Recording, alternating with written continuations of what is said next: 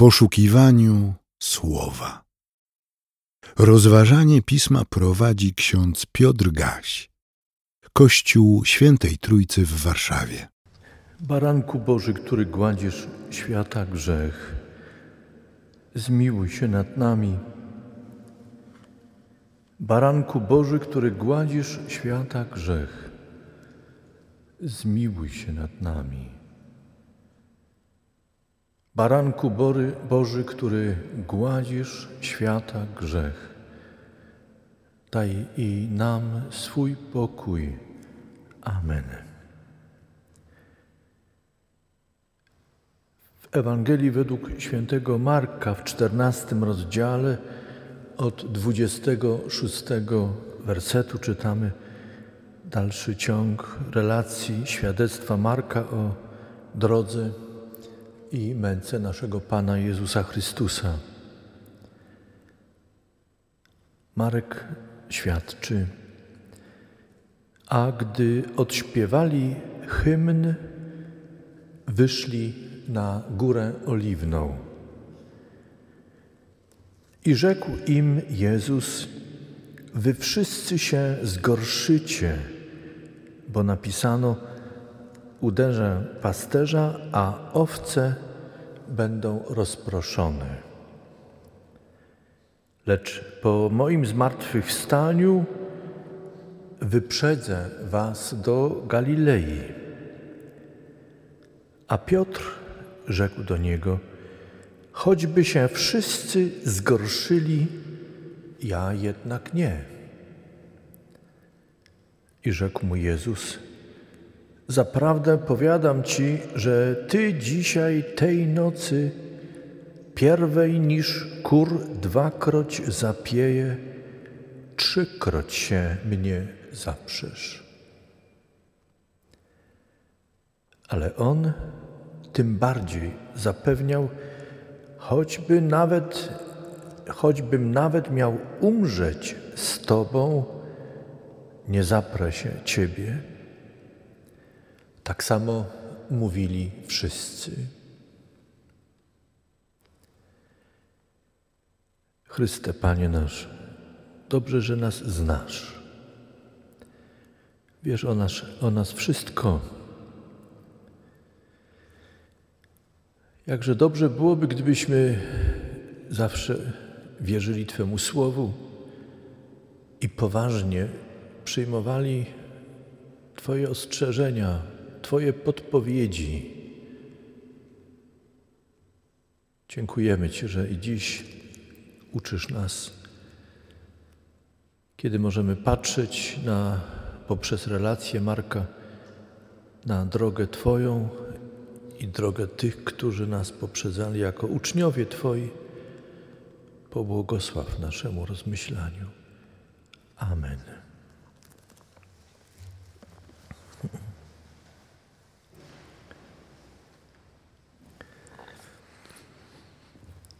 Moi kochani, przede wszystkim przepraszam Was za pomieszanie introitów. Źle spojrzałem na porządek i nie na ten introit.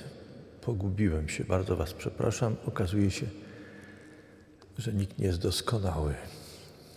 Po raz kolejny się okazuje. Jeszcze raz przepraszam. Moje przeprosiny należą Wam się, ponieważ to jest introit śpiewany Słowo Boże śpiewane na przemian responsoryjnie, zbór i duchowny.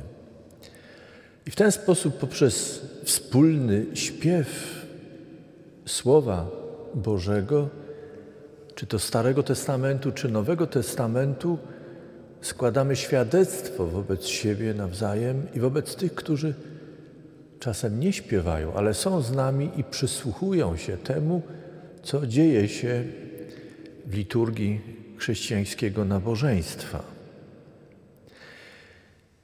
Chciałbym, żebyśmy po raz kolejny uświadomili sobie, że to, co śpiewamy, jak śpiewamy, z kim śpiewamy, w jakim czasie i miejscu, to wiele mówi o nas. Nawiązuję w ten sposób do pierwszego wersetu, który dziś rozważamy z Ewangelii według przekazu Marka. Zauważcie, że wśród ważnych kwestii, które podkreśla w swojej relacji Marek, przywołuje między innymi to, że zanim wyszli na górę oliwną, zaśpiewali hymny. Spojrzyjcie w wolnej chwili na relację Marka. Tam każdy werset ma swoje miejsce. Podobnie zresztą jak w świadectwach innych ewangelistów. Nie rozpisują się we wszystkich szczegółach o tym, co się działo, ale to z kolei pozwala nam stwierdzić, że jeśli któryś z ewangelistów, a w tym przypadku Marek, przywołuje jakiś szczegół, nie pomija go wśród wielu innych ważnych kwestii, to znaczy, że chce zwrócić uwagę tamtych ludzi, przed którymi składał świadectwo Marek i po wszystkie czasy, jak długo będzie istniał ten świat, Marek chce coś uświadomić nam. Spróbujmy więc zastanowić się, dlaczego Marek zwraca uwagę, że zaśpiewali wspólnie hymny, a dopiero potem wstali i odeszli i poszli do ogrodu Getsemany. Kiedy idziemy tropem, śladem, śpiew w Starym czy Nowym Testamencie, zauważmy, że śpiew był integralną, nieodłączną częścią życia ludzi tamtego czasu. Kiedy im było źle, śpiewali. Kiedy było dobrze, śpiewali. Kiedy kochali, śpiewali o tym. Ale kiedy z jakichś powodów pojawiała się w ich sercu nienawiść, złość, z którą im było nie najlepiej, ale chcieli być uczciwi wobec siebie i wobec Boga i mówili o swojej złości, nienawiści, też śpiewali. Kiedy przeżywali żałobę, śpiewali, kiedy radość, śpiewali. Czynili to przy różnych okazjach. I wtedy, kiedy pracowali, mieli możliwość nucenia swoją pieśń. I wtedy, kiedy przeżywali uroczyste chwile w świątyni, czy też pielęgnowali pewien rytuał religijny w swoim domu, przy stole, powiedzielibyśmy, domowym ołtarzu, śpiewali.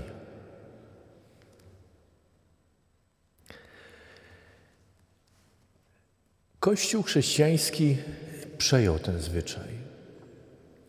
Zauważmy, że on nie dotyczy tylko chrześcijaństwa. W innych religiach też śpiewa się. Co więcej, niereligijny świat. Ludzie, którzy nie wierzą w Boga jakiegokolwiek, czy jakiekolwiek bóstwo, też śpiewają.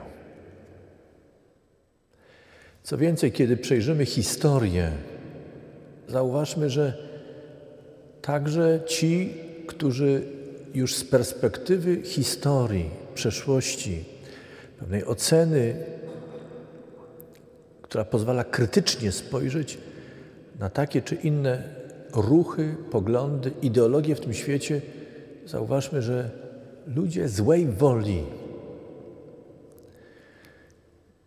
działający bez Boga i wbrew Bogu, też śpiewają.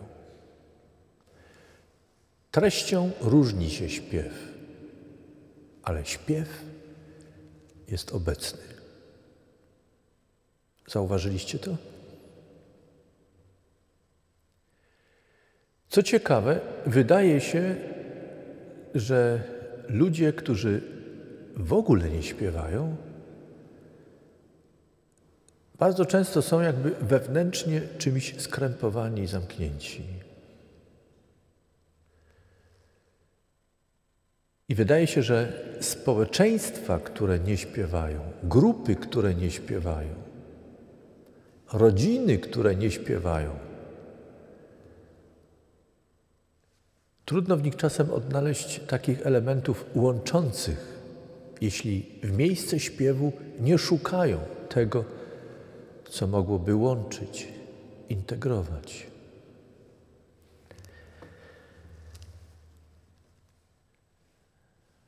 Pomyślmy o tym. Poszperajcie proszę w literaturze.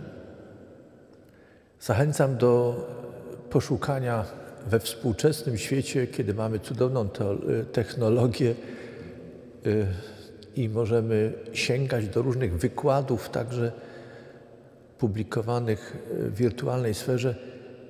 Poszukajcie, proszę, głosu specjalistów lekarzy, psychologów, muzykologów, terapeutów, jak istotne znaczenie dla człowieka ma muzyka, także śpiew. Wykonywano badania wśród seniorów, których zachęcano do wspólnego śpiewu. Ale to dotyczy nie tylko seniorów także ludzi młodszych i dzieci. Wspólny śpiew unisono, jednym głosem, także a cappella, powoduje, że uczymy się bycia w grupie, koordynacji oddechu, głosu z innymi. Możemy doznawać tego, co jest niedostrzegalne w pierwszym momencie, a co ujawnia się w miarę upływu czasu. Bo muzyka, śpiew oddziaływuje nie tylko na sprawy głosu, nie tylko na sprawy słuchu. W śpiewie okazuje się, że uczestniczy całe ciało człowieka. Z tym, co jest także duszą człowieka, co wypełnia nasze ciało co niejako wibruje, rezonuje w nas. Sprawia, że jesteśmy zdolni wydobyć głos, treść. I co ciekawe, poprzez modulację głosem, frazowanie, podkreślać to, co jest istotne, ważne. Kochani, zwracam na to uwagę, bowiem ewangelista Marek podkreśla i zauważa to w tak ważnym momencie jak droga Chrystusa. W tak ważnym momencie, kiedy Chrystus przygotowuje swoich uczniów na wydarzenia, które niedługo będą miały miejsce, kiedy ich uczy, wypowiada słowa, które stają się Jego testamentem, Chrystus nie zaniedbał wspólnego śpiewu. Jakie to były pieśni? Znając rytuał Paschy, możemy powiedzieć, to były psalmy, modlitwy. My dziś powiedzielibyśmy hymny, które wyrażały wiarę, ufność, wdzięczność, lęk i prośbę skierowaną do Boga, aby Bóg ich prowadził. Nie pominęli tego momentu. Nie wstawali pośpiesznie, nie pędzili przed siebie, ale swoje głosy zjednoczyli we wspólnym śpiewie.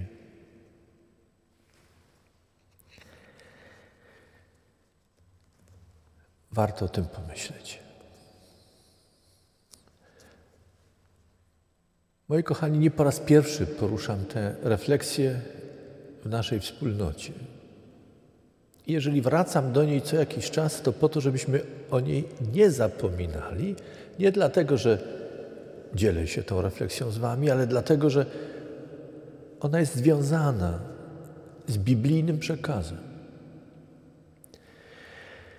To jest pierwszy podstawowy i najważniejszy powód, dla którego wracam do tej refleksji o wspólnym śpiewie, o muzyce w życiu także naszej wspólnoty. I jest drugi powód. Pewien, pewien agnostyk, tak, dobrze słyszeliście. Pewien agnostyk kiedyś mi powiedział, wie ksiądz, co mnie najbardziej porusza, kiedy jestem u was na nabożeństwie? Pytam, co? Odpowiedział, porusza mnie to, że ludzie tak różni. W różnym wieku. Siadają obok siebie i ze sobą w ławkach, na krzesłach. Otwierają uzgodniony tekst pieśni, wyznaczony numerem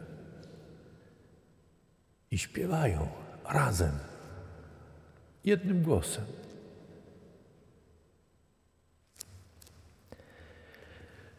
Mówił, to mnie najbardziej porusza i wzrusza.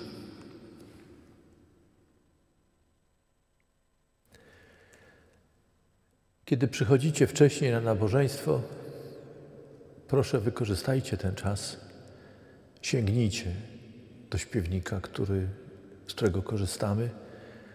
Zajrzyjcie na te numery, które wyznaczają teksty pieśni i spróbujcie wczytać się w teksty. Nie wiem, czy zauważyliście, że dużo łatwiej jest śpiewać. Jeszcze głębiej możemy przeżywać to, co śpiewamy i o kim śpiewamy, kiedy wcześniej poznamy tekst. Być może, przynajmniej tak jest w moim przypadku,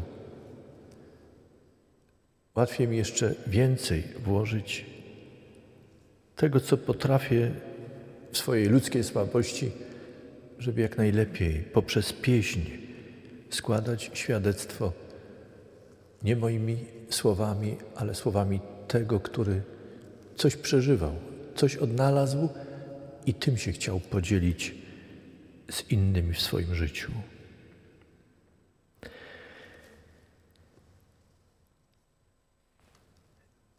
Ciekawe, że jakby w kontraście do tego wspólnego śpiewu pochwalnego Chrystus w drodze zaczyna poruszać coś, co jest tematem wstydliwym. Powiedzielibyśmy nawet gorszącym, co kontrastuje z taką atmosferą jedności, solidarności, więzi, w najlepszym sensie tego słowa, pomiędzy ludźmi, kiedy czują się mocni, silni, radośni po odbyciu wspólnego, wspólnej wieczerzy paschalnej, po wspomnieniu całej pięknej tradycji religijnej, za którą dziękują Bogu we wspólnym śpiewie. Chrystus porusza nagle coś wstydliwego i skandalicznego. Wszyscy, wy wszyscy zgorczy, zgorszycie się, opuścicie mnie.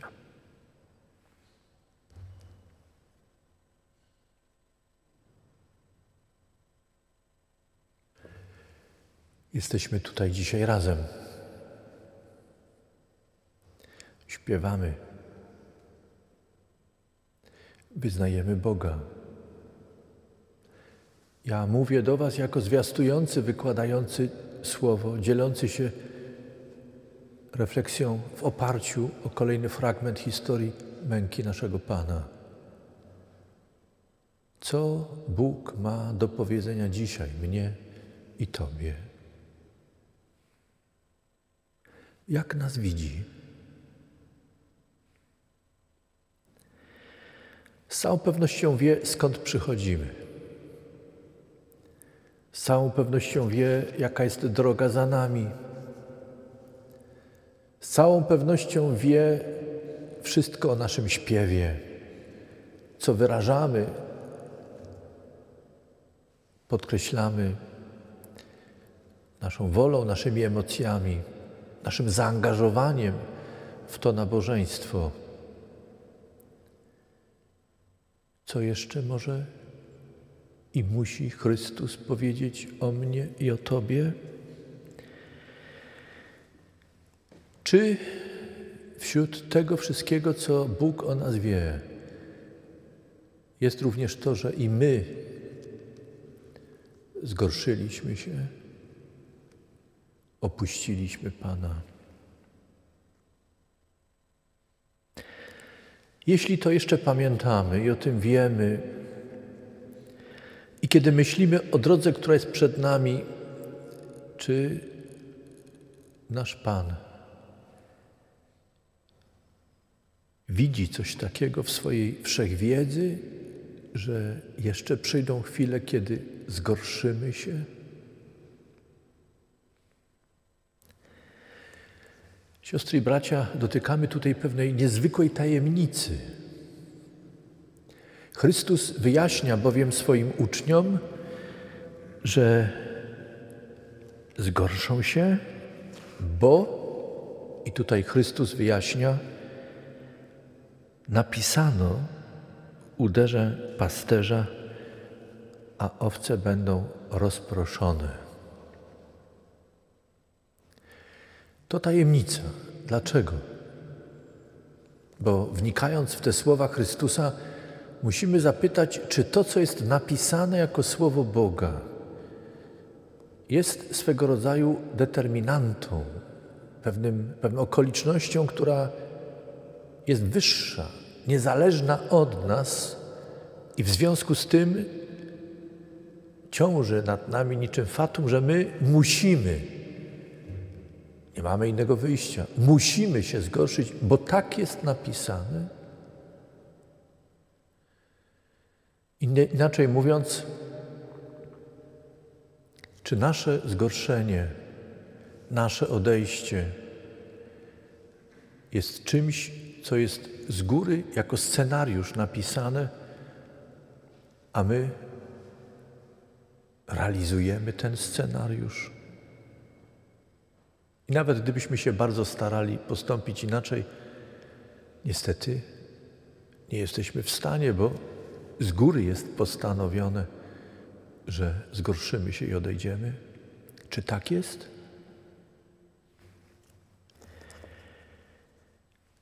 Nie jest tak. I powinniśmy to dobrze zapamiętać. Nie jest tak. Nie jest tak, że scenariusz naszego życia, Twojego i mojego, jest napisany, zapisany gdzieś u góry, a my niestety, choć mamy wolę, choć mamy rozum, choć mamy ciało, choć mamy duszę i ducha, jesteśmy skazani na realizowanie tego scenariusza. Nie jest tak. Siostry i bracia, dotykamy tajemnicy wszechwiedzy Boga. Dróg, które Bóg z jednej strony wytyczył, z drugiej strony, jak czytamy w pismach natchnionych, od początku dana jest człowiekowi również wolność i możliwość rozstrzygania i decydowania. Bóg w swojej wszechwiedzy rozpoznaje drogi człowieka i te za nim, które są za człowiekiem, i te, które człowiek wybiera, na których stoi, i te, których jeszcze człowiek nie widzi, ale Bóg je zna. Ale to nie znaczy, że człowiek jest zmuszony do tego, by iść drogami, które Bóg widzi. To trudne. Trudne do przekazania, trudne do ogarnięcia, ale o jedno Was proszę. Nie przypisujmy Bogu czegoś, czego Bóg w swojej mocy, wszechmocy i wszechwiedzy na siebie nigdy nie wziął. I nie przypisujmy Bogu to, że On odebrał coś człowiekowi i że my w tym świecie jesteśmy bezwiednymi słabymi istotami, które choć się bardzo starają, skazane są na wypełnianie scenariusza, który Bóg pisze. Nie jest tak. Dlaczego więc Chrystus mówi do swoich uczniów o tym, co będzie? Dlaczego do Piotra, który mówi: Nie zdradzę, nie zgorszę się, Chrystus mówi, co się stanie?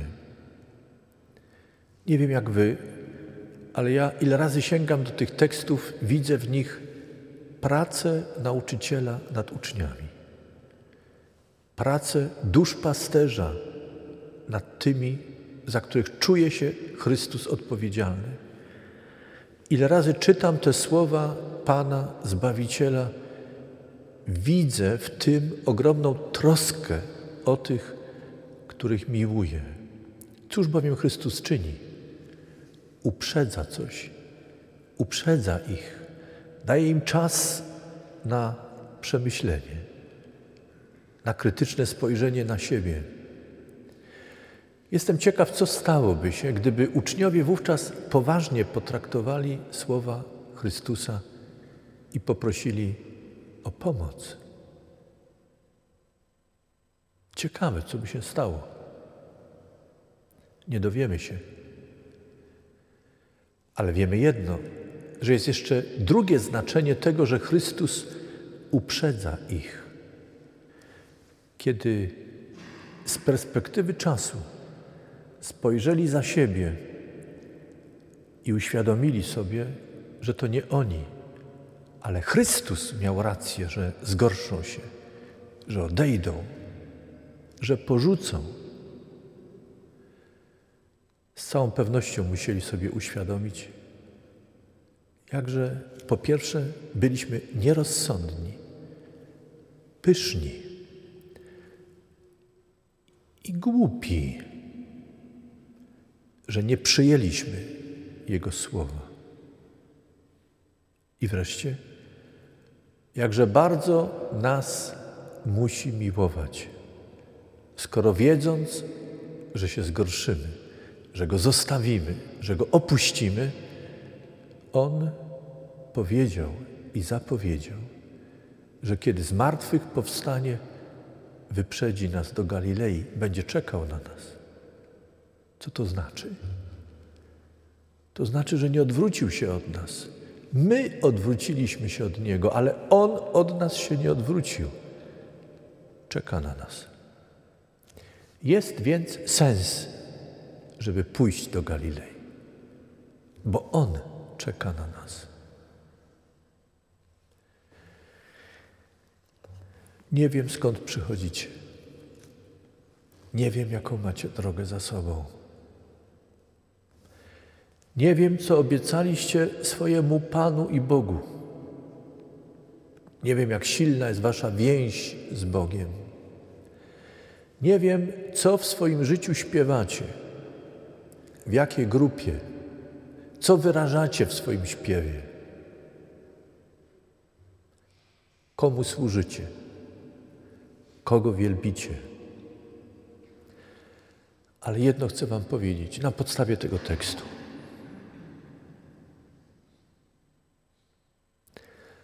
Bóg nie odwrócił się od Was i ode mnie.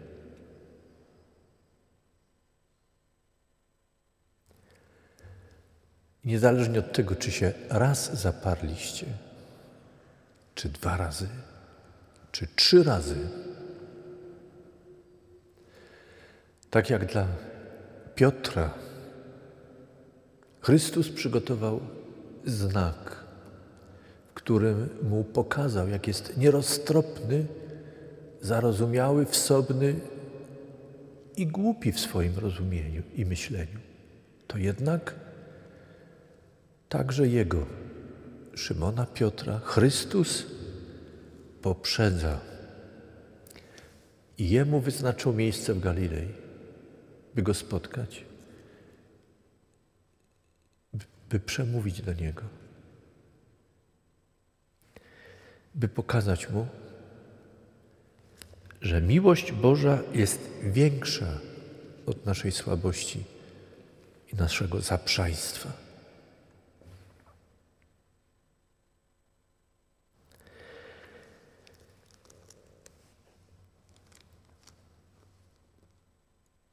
Chcę Was zachęcić, byście dzisiaj zmówili swoją modlitwę. Nie wiem, jaką modlitwę zmówicie, ale być może, jeśli wolno mi Wam podpowiedzieć, to proszę, byście pomyśleli też o mnie. Ja też mam na imię Piotr. Byśmy modląc się nawzajem o siebie, prosili Boga, żeby nam pomógł poznać samych siebie, swoje mocne strony i te słabe. I żeby pomógł nam pamiętać, że tam, gdzie nam się wydaje, że jesteśmy silni, mocni, być może jest największe niebezpieczeństwo, że będziemy słabi. I by pomógł nam zaufać, byśmy pamiętali, że tam, gdzie czujemy się bardzo słabi i liczymy na Niego, możemy doznać wielkiej łaski.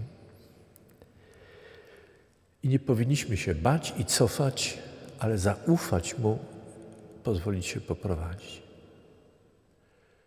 Prośmy Boga, byśmy my zebrani w ten wieczór, w tym miejscu, prosząc także o siostry i braci naszych w zborze, w kościele, prosząc o tych, którzy nam są bliscy, kochani, którzy są ważnymi osobami w naszym życiu, byśmy potrafili im w taki dobry, godny i mądry sposób towarzyszyć.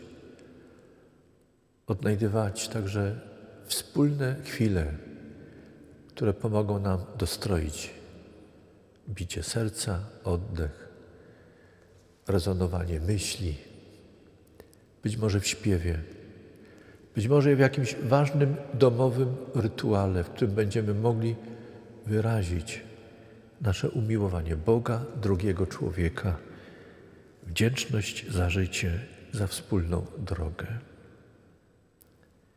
Niech Bóg Was prowadzi. Niech Bóg nas wszystkich prowadzi. Amen. Przyjmijcie życzenie pokoju. A sam Bóg niech nas w zupełności poświęci, aby duch nasz, dusza i ciało były zachowane bez nagany na dzień przyjścia i spotkania z Panem naszym, Jezusem Chrystusem. Amen.